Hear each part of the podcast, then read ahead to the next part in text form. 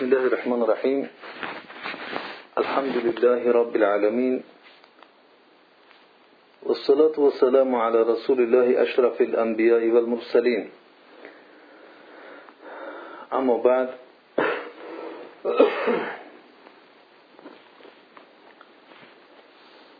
صحبت امروز ما انشاءالله در ادامه سیرت پیامبر صلی الله علیه وسلم است.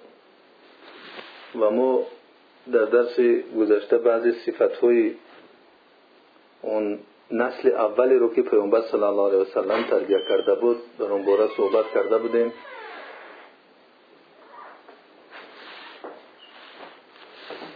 امروز شروع می‌کنیم از اینکه چگونه دعوت پیامبر صلی الله علیه وسلم در قبیله های قریش منتشر گشت. و چگونه این راهی رو که پیامبر صلی الله علیه وسلم دعوتی رو که پیامبر صلی الله علیه وسلم پیش گرفت این دعوتی برای تمام بشریت ما چون حالا در مرحله ابتدایی حیات پیامبر صلی الله علیه وسلم سخن می‌گوییم و این مرحله مرحله بود که رسول الله صلی الله علیه وسلم دعوت خود را به شکل پنهانی پیش می برد. حتی در همین زمان در همین وقتی که پنهانی دعوت خود را پیش می برد از همه قبیله های قریش به یک شکل متوازین و یک شکل برابر آدمهایی را به اسلام جلب نموده بود. یعنی چنین نبود که فقط مردم یک منطقه را جلب بکند و مردم یک قبیله دیگر را احتمام نتید این گونه نبود. در حالی که این کار یعنی به یک شکل برابر به یک شکل متوازین در میان قبیله ها این گونه دعوت رو جاری کردن در یک زمانی که اون زمان پر از یعنی در اساس قبیلوی در اساس طبقه بندی مردم به طبقه ها جاری بود. این بسیار کاری مشکل بود و به طبیعت حیات قبیلوی کاملا مخالف بود. این یک پدیده نوی بود که این را هر کس از دستش نمی آمد که انجام بتید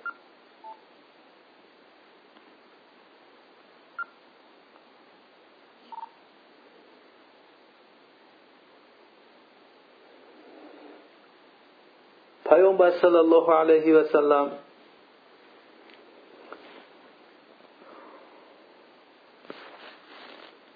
اون عصبیت اون قوم پرستی یا محلگرایی یا یعنی قبیله خود را برتر دونستن از قبیله های دیگر این چیزها را که در اون جامعه منتشر بود همه این قانون و قاعده ها را برهم زد. زیرا که اگر این کار رو می‌کرد البته را روز می‌گفتند که این دعوتش در اساس استفاده بعضی مردم بعضی قبیله ها است. برای منفیتشون و استفاده بردن تنها بعضی قبیله ها را ولی اصلا برای منفیت خودشون بود. ولی اسلام چنین نیست. اسلام دینی است برای همه بشریت. حتی نگاه کنید در قبیله های قریش در همون بگیم ریشه های قریشی هم کسانی که به اسلام دعوت شده بودند از کیها عبارت بودند و از کدام قوم ها و قبیله ها عبارت بودند از کدام عائله ها عبارت بودند. مثلا ابوبکر صدیق رضی الله عنه از تیم بود بنی تیم خب عثمان ابن عفان از بنی امیه زبیر ابن عوام از بنی اسد مصعب ابن عمیر از بنی عبدالدار علی ابن ابی طالب از بنی هاشم عبدالرحمن ابن عوف از بنی زهره سعید ابن زید از بنی عدی عثمان ابن مظعون از بنی جمح رضی الله عنهم اجمعین. بلکه دیگر عدد از مسلمان ها بودند که در همین مرحله از خود قریش نبودند. اینها از قریش از اویله مختلف رو بینید که بودند در اینجا. و از بیرون از قریش مثل عبدالله ابن مسعود که از حزیل بود عتبه ابن غزوان که از موزین بود عبدالله ابن قیس از اشعریین بود عمار ابن یاسیر که از انس بود از مزحج یا مزحج. زید ابن حارسه که از کلب بود توفیل ابن عمر که از دوس بود عمر ابن عبسه که از سلیم بود صحیب النمری که از بنی نمر ابن قاسد بود. خب. از اینجا معلوم میگردد که اسلام مخصوص یک عکه نبود بلکه پیامبر صلی الله علیه و سلم روح خود را برای نشر این دعوت نشر اسلام از دایره قبیله های قریشی از حتی از قبیله هایی که در مکه بودن از اون بیرون شکفته بر بود. و در این کورش پیامبر صلی الله علیه و سلم بسیار یک نقشه دقیقی کشید یا راهی بسیار دقیقی رو پیش گرفته بود و در اساس باز توکلی بر خداوند زیرا که این گونه کار به توکلی بر الله سبحانه و تعالی نمی شود پیش برود. پیامبر صلی الله علیه و سلم ببینید که با این گونه مردم هایی که از قوم و قبیله های مختلف بودند مسئله سر جمع کردن آدمان نیست. اینجا بود مسئله دیگر است. مسئله اسلام است. مسئله مسلمان بودن است. پیامبر صلی الله علیه و سلم اونها رو تربیه بسیار عمیق می‌کرد. تربیه بسیار درست کرد. تربیه که اون هم تعلیم و هم تربیه و تربیه بسیار تربیه عمیق و تعلیم بسیار وسیعشون کرد که دوره دوره فهمیش و بینیش اونها خیلی وسیع بود. و حتی از جهت های احتیاطی اونها خیلی ورزیده بودن. انسان های رویکی و رحکی نبودن. هر چیزی که گفته می‌شد هر کلمه که میانی اونها میگذشت همه اونها اعتبار داشت همه اون معنی خود رو داشت. گپ های بیهوده مفهوم های بیهوده در میان آنها وقت های بیهوده. نبود یا کارهای بیهوده را آنها انجام نمی‌دادند. و در برابر اینکه اونها را تربیه می‌کرد تربیه بسیار عمیق تعلیم بسیار با دویره وسیع تعلیمشون می‌داد. حتی احتیاط کردن رو برای آنها نشان می‌داد که چگونه آنها در اون جامعه که زندگی می‌کنند احتیاط رو باید پیش بگیرند. و این چنین در اون جامعه به شکل یک طبیعی وارد می شدند و آنها را پیامبر صلی الله علیه و سلم برای مرحله های برای مرحله های بعدی آماده می‌کرد. یعنی آنها طبیعی در, در جامعه داخل می‌شدن. چی معنا دارد یعنی آنها کسانی نبودن که یعنی در جامعه با یک صورت بدروین که اون جامعه اونها را در یک لحظه مثلا به یک صورت قبول نکند و اینها در یک لحظه چیزی رو بخواهند که باید با یک کلمه و با یک گفته همه چیز انجام بگیرد. نه. چگونه که حیات انسان هست طبیعی دوام می‌کند زندگی طبیعت مجرای خود را دارد پیامبر صلی الله علیه وسلم از همین طبیعت جامعه و مجرای زندگی با کدام سنت های الهی جوری هست از همون جو کار گرفت و این نفران را که تعلیم و تربیه می نمود اونها را آماده می ساخت. برای مرحله های بعدی زیرا که معلوم است که این دین الهی دینی نیست که فقط باید اون در حالت پنهانی انجام بگیرد. دینی نیست که تنها باید که یک فرد یک فرد دیگر را بگد. همین خیلی فرد فردها را خطاب کنند تمام. نه بلکه این دین الهی برای همه بندگانش آمده است. برای عرب آمده است برای انگلیس آمده است برای نیمیس آمده است برای تاجیک آمده است برای ازبک برای تتر و برای همه که بنده خدا هستن برای برای همه آمده است. پس این دین الهی برای آنها برسد.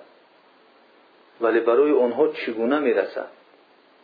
هندره نمی شود چگونه که ما امروز وسیله های تلویزیون است و رادیو هست و اینترنت است و در یک زمان بگیری برای تمام مردم اعلان بکنی حتی امروز هم این از طبیعی نیست که انسان یک فکر و یک اندیشه رو بخواهد در تمام عالم پهن بکند.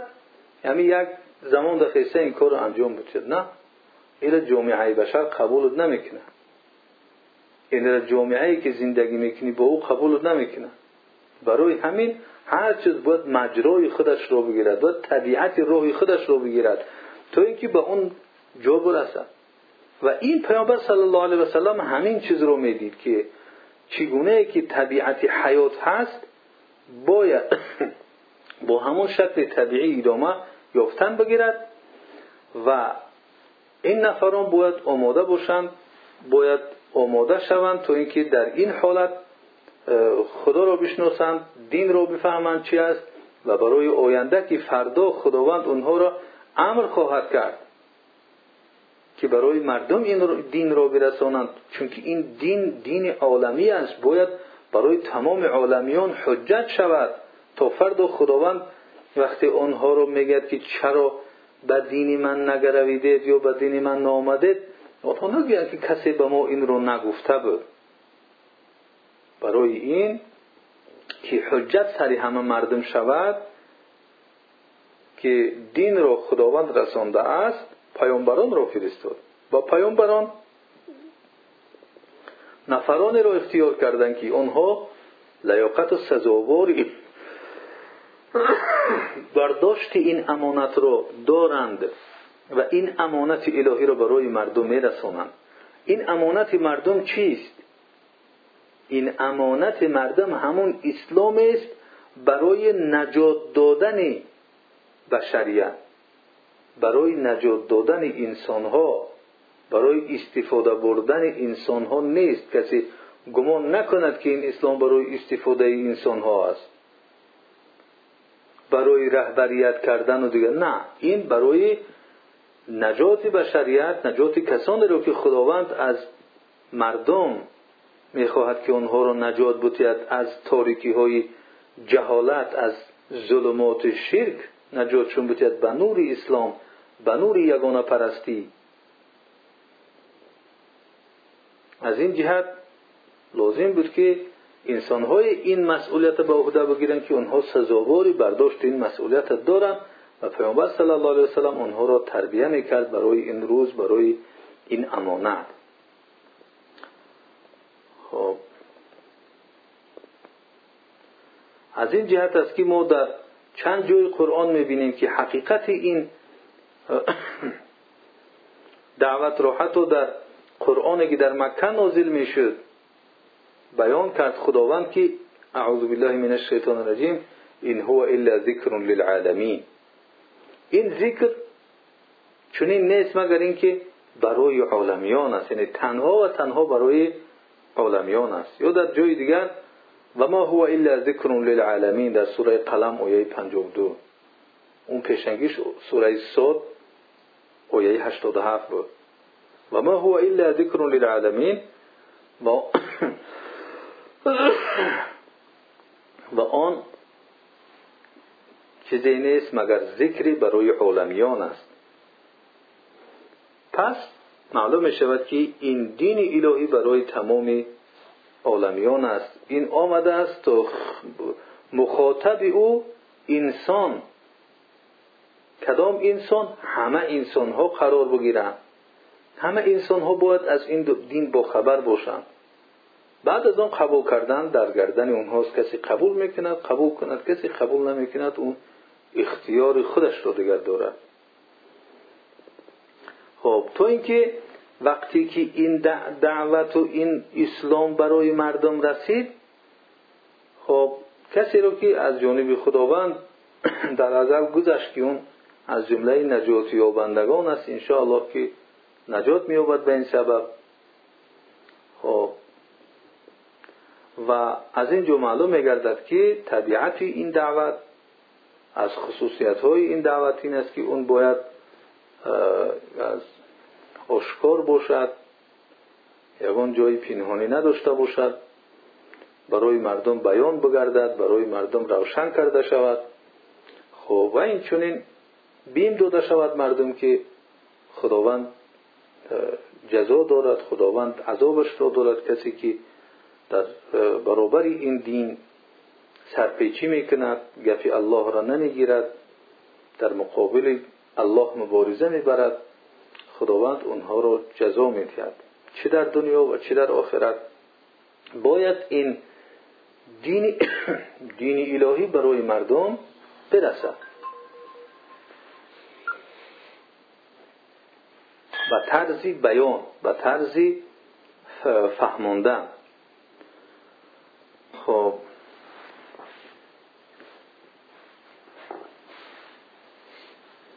این مرحله که پیامبر صلی الله علیه و سلم گذرانده استوده است و اون مرحله ابتدای دعوت چون پنهانیت دارد چون کارهای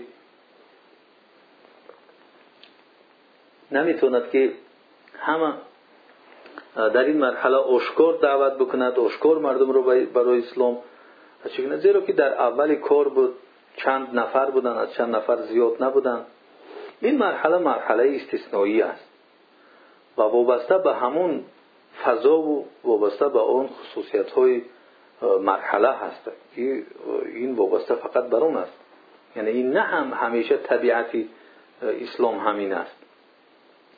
چون در حالت ضعف و در حالت تنهایی و در حالت ابتدایی کار بودن لازم بود که به همین صورت پیامبر صلی الله علیه و کار رو می‌برد. یعنی به شکل پنهان و به شکل سریش می‌برد. ولی اسلام همیشه باید اشکار روشن باشد تا اینکه همه مردم بفهمند که اسلام چیست. تو چگونه که امروز سر اسلام بسیار چیزهای دروغ را میپیچند. گرچند درست است که بعض وقت بعضی مسلمان ها سبب می‌شوند که به اسلام بعضی چیزهای نادرست به پای اسلام پیچونده می شود ولی اسلام اسلام دیگر چیزی هست که بسیاری مردم حقیقت آن را نمی‌دونند اگر از حقیقت آن خبر شوند آن را قبول خواهند کرد. و در اون زمان هم بسیار کسانی بودند که وقتی اسلام رو میشنیدند و مجرد شنیدن حس می‌کردند که این چیزی نو است این چیزی بسیار برای مردم مفید و لازم و ضروری است. خب. و اما در مسئله بعضی چیزهایی را که بود در آینده پیامبر صلی الله علیه و سلم بعضی مسئله های دیگر رو یعنی پنهان می‌کرد این معنای یعنی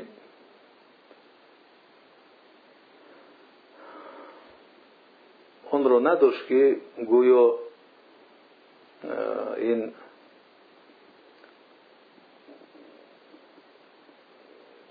یکی از میگیم مسلحت های همون ظروف است. مثل اینکه چقدر پیرو داشتن یا نداشتن. در اینجا حقیقت پنهان نمی‌شد مثل اینکه این اسلام رو پنهان کرده باشند این اون معنا را ندارد.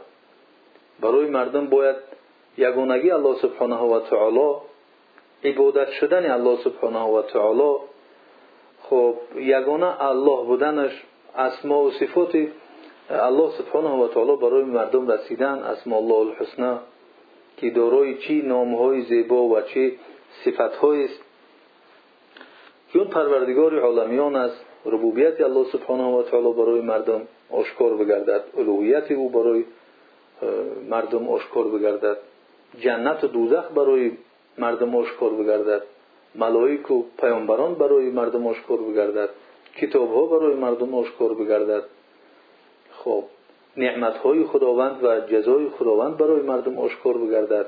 همه اون چیزهایی که در اسلام است اینها باید اشکار بگردن. ولی وقتی که پیامبر صلی الله علیه و سلم بعضی چیزها را پنهان می داشت که مثلا عددی ما چقدر است امثال اینها این در این مسئله وارد نمی شود یعنی در مدت بعد از اشکار شدن اسلام هم پیامبر صلی بعضی چیزها را پنهان می داشت که آنها با این مسئله های اصل اسلام بیان اسلام علاقمند نبودند بلکه ضرورت هر مسئله که به اون علاقمند بود به او بود نه به امر اسلام یا که رساندن اسلام به این علاقه نداشت. مسئله مسئله دیگری که اینجا ما سری اون می‌خواهیم چند لحظه باز صحبت کنیم این است که بینای عقیدوی که پیامبر صلی الله علیه و سلم اصحاب کرام رو در عهد مکی بر آن تربیه نمود.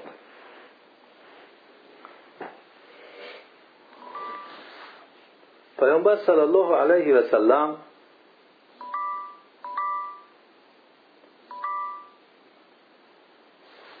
پیامبر صلی الله علیه و سلم در تربیه کردن افراد و تربیه کردن امت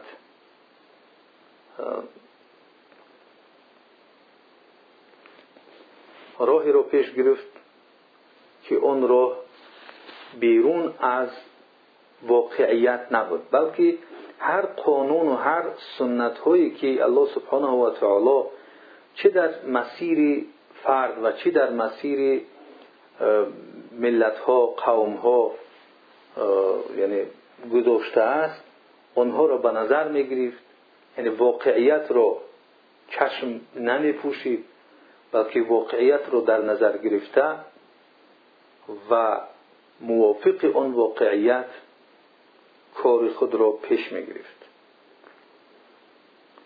خب، از سنت های ربانی الله سبحانه و تعالی این است که در هستی و در این دنیایش که خب، در هر زمان و مکان بر سر انسان آنها استوار هستند و این سنت های ربانی اینها تغییر ناپذیر هستند اینها بسیار هستند.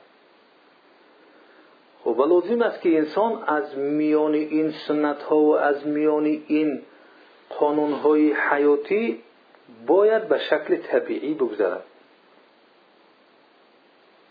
و در قرآن در مورد این مسئله ها سنت های الهی بسیار آمده است. آیت های زیاد هستند که آنها تغییر یعنی این سنت های الهی تغییر نیابنده هستند.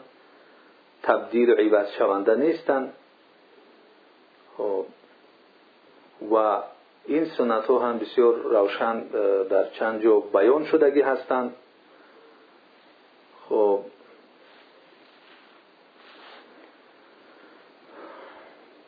زیرا اینکه انسان در اون جامعه که زندگی می‌کند انسان مسلمان باید در اساس یعنی قبول شدن اون انسان در همون جامعه و این چونین اون جامعه را بیان کردن این دینش و به یک شکل طبیعی که کارها انجام می‌گیرد باید این دین اسلام رو و این روش رو پیش بگیرد. خب و پیامبر صلی الله علیه و سلم هم این سنت هایی که چه در حیات و چه در جامعه ها هست برای پیروانش اونها را می آموزند چگونه ای که در قرآن آمده و چگونه که خداوند برای بندگانش این سنت ها را خبر داده بود.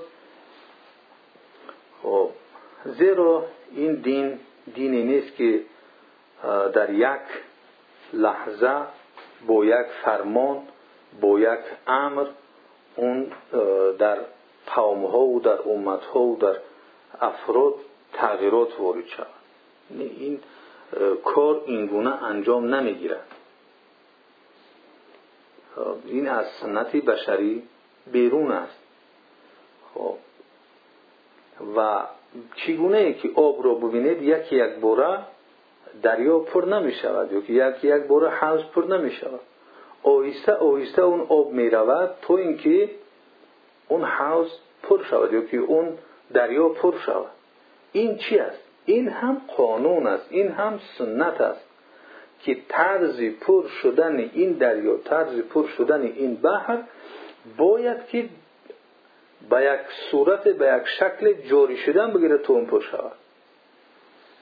یا که انسان خانه می سازد. کی می‌توند که در یک آن واحد در یک ساعت یا که در یک روز از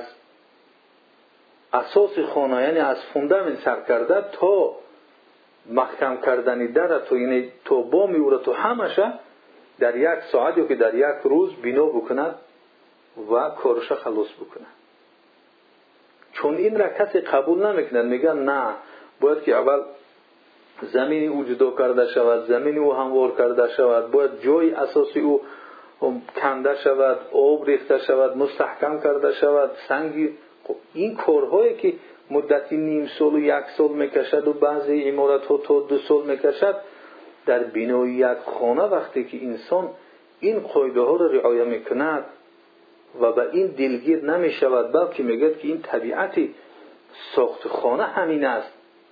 پس یک خانه که برای یک عمری چل پنجاه سال است اینقدر راضی می‌شود برای رعایه سنتهاش. این چیزی که برای ابدیت انسان است چرا انسان راضی نمی‌شود؟ باید در این هم این سنت هایی که در حیات هست چگونه یک انسانی که حالا خدا را نمی‌شناسد یک انسانی که تا امروز او یک سنگ پرستیده است یک سنگ خدا گفته است یک چه خدای خیر و یک چه خدای شر و یک چه نمی‌دونم علیه بالله چی چی خداها برای او گفتن. او خدا اعتقاد می‌کند در یک روز فکری او را عوض کرده نمی‌شود. اون خدای یگانه را نمیشناخت. اون خدای یگانه را نشنیده بود. درست است که قرآن میگوی درست است که گفتی رسول الله صلی الله علیه وسلم رو میگوی. ولی چرا پیامبر صلی الله علیه وسلم این کار رو نکرد؟ زیرا که مسئله باید با طریق قانع شدن طرف مقابل صورت بگیرد نه به صورت مجبوری نه به صورت زوری. بلکه به صورت بیان کردن روشن کردن. وقتی که بیان روشن شد برای انسان اون دیگر اختیار دارد که این چیز رو قبول بکند یا نکند.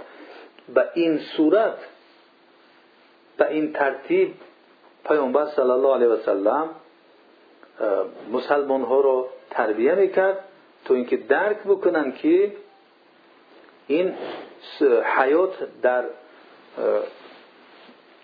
تابعیت کدام قانون ها هست؟ تابعیت کدام سنت های الهی هست؟ و این قانون ها و این سنت های الهی تغییر نایابنده هستند. و اینها رو نمی شود چشم پوشی کرد.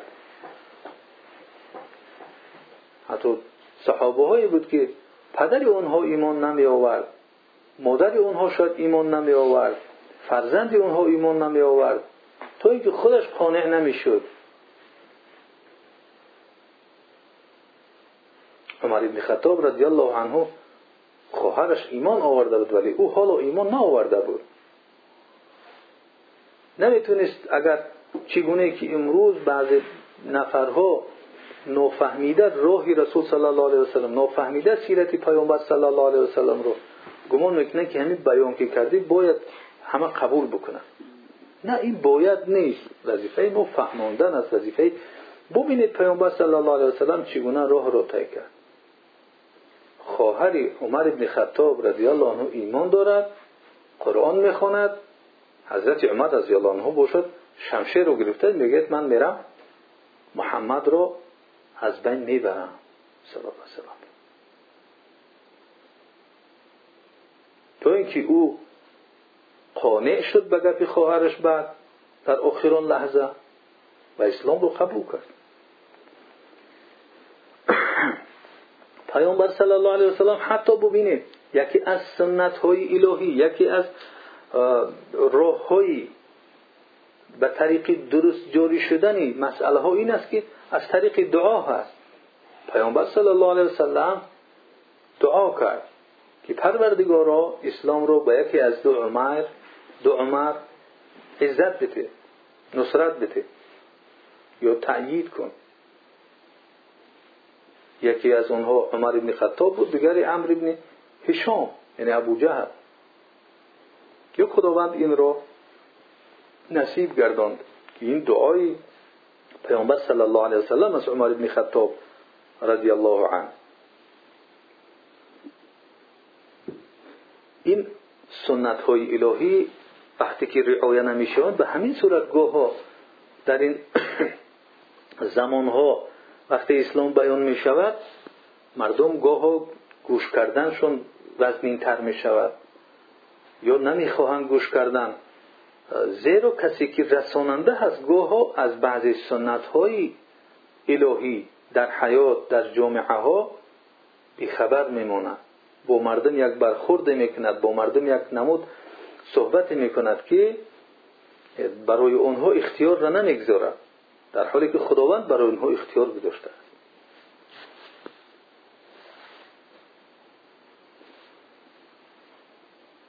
خب از این جهت باید انسان بر این چیزها تربیه بیاورد.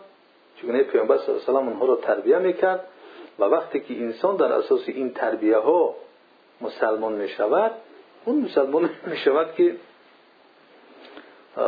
دیگر این امانت را برداشت کرده می تواند و این نور الهی را بر ظلمات جهل و بر ظلمات شرک و نادانی غالب می‌توند بیارد. مثلا میرساند برای اونها و اونها هستند که دیگر قبول می‌کنند یا رد می‌کنند. از این جهت بزرگان گفتند که شما با این قانونهای هستی یا دنیا تصادم نکنید که اینها غلبه می‌کنند انسان را وقتی که تصادم کرد انسان با این قانونها و با این قایده هایی که خداوند در حیات گذاشته است. حتی ببینید انسان درست است که تولد می‌شود. یکی یک بار چیل ساله نمی‌شود. که برای چیل ساله شدن چهل سال لازم است که این قانون و قاعده کلان شدن رعایه شود. چهل سال منتظر می شود انسان چهل ساله شود. این هم یکی از سنت ها است. فهماندن انسان رساندن انسان اون هم همین است. در مرحله سیزده سال مکه احکام تشریعی نهایت کم اومد. اون چیزی که حکم باشند این حلال و اون حرام و این را بکن و آن را نکن اینها نهایت نهایت کم اومدن. بیشتر بیشتر چیزی که آمد برای ساختن انسان بود که انسان واقعی چگونه باشد؟ انسان حقیقی چگونه باشد؟ قصه های پیشینی می آوردن تا اینکه از دیگران عبرت بگیرند و بفهمند عقلا فهمند درکن قناعتن انسان ها بفهمند که انسان حقیقی چگونه انسان است. یعنی شما با قایده های دنیا تصادم نکنید که آنها غلبه کننده هستند. ولی که شما آنها را غلبه بکنید. به چی؟ به یک صورتی که با روش آنها با همون روشی که دارد اون را به دست آوردن در کار. اون چیزی که دارن اون را استفاده بردن در کار. و اون جریانی که دارد جریانی که هست بعد اویسته اویسته اون جریان شد خیلی که پیامبر صلی الله علیه وسلم کرد. اون هم در یک جای بود که در خانه خدا 360 بود. بود 360 بود رو پرستش می‌کردن در خانه خدا. همه در همون دینی بود پرستی بودن. آیا پیامبر صلی الله علیه وسلم رفت در خانه کعبه و اعلام کرد که شما بود پرستان شما کافران شما گمراهان؟ نه این کار نکرد پیامبر صلی الله علیه وسلم بلکه طبیعت راه چگونه قدم به قدم رفتن. پیامبر صلی الله علیه قدم به قدم رفت تا جایی که دیگر آنها قبول کردن این دین را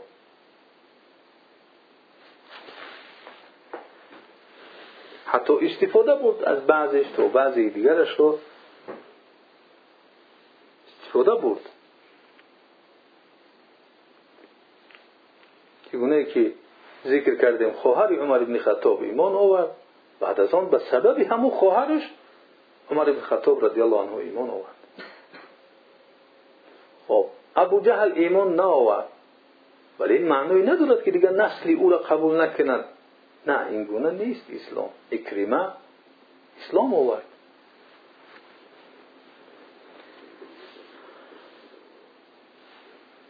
بهترین نزدیکترین شخصی که به پیامبر صلی الله علیه و دوست داشته ترین کسی که بود حمزه امکش بود رضی الله عنه.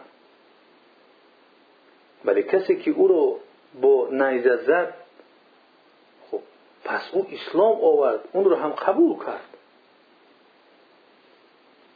ببینید یک کسی که این گونه کینه رو در دل او جا کرده بودن. کسایی که کینه ها داشتن سری پیامبر صلی الله علیه وسلم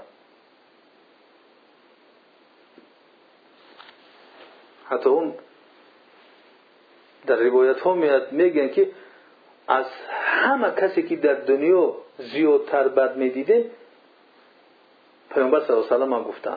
ولی بعد یک لحظه وقتی که حقیقت اون را می‌فهمم میگن از همه کسی که در دنیا بیشتر و درجه اول دوست میداریم پیامبر صلی الله علیه و سلم است.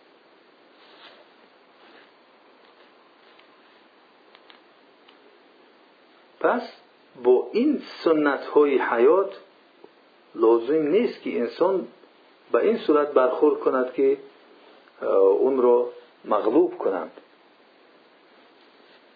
بلکه لازم است به شکل طبیعی که خداوند در آنها قانون و قاعده ای را گذاشته است در همون اساس حرکت بکنند. یعنی و قاعده هایی که در حیات هست. و بلکه آنها را به دست بیارند اون از آنها استفاده بکنند از اون قانون و قاعده هایی که خداوند گذاشتگی هست. و آنها را در مسیر این نور استفاده کند تا اینکه آنها بردارنده این نور باشند ممکن است که از این کسی که سخن می‌گوید از این کسی که این دعوت رو می‌برد اون نفر بیشتر این نور رو و دورتر برای بشریت می‌برد. از آنها یاری می‌گیرد بعضش تو بعضش برای بعضی دیگرش و منتظری ساعت پیروزی میگردد.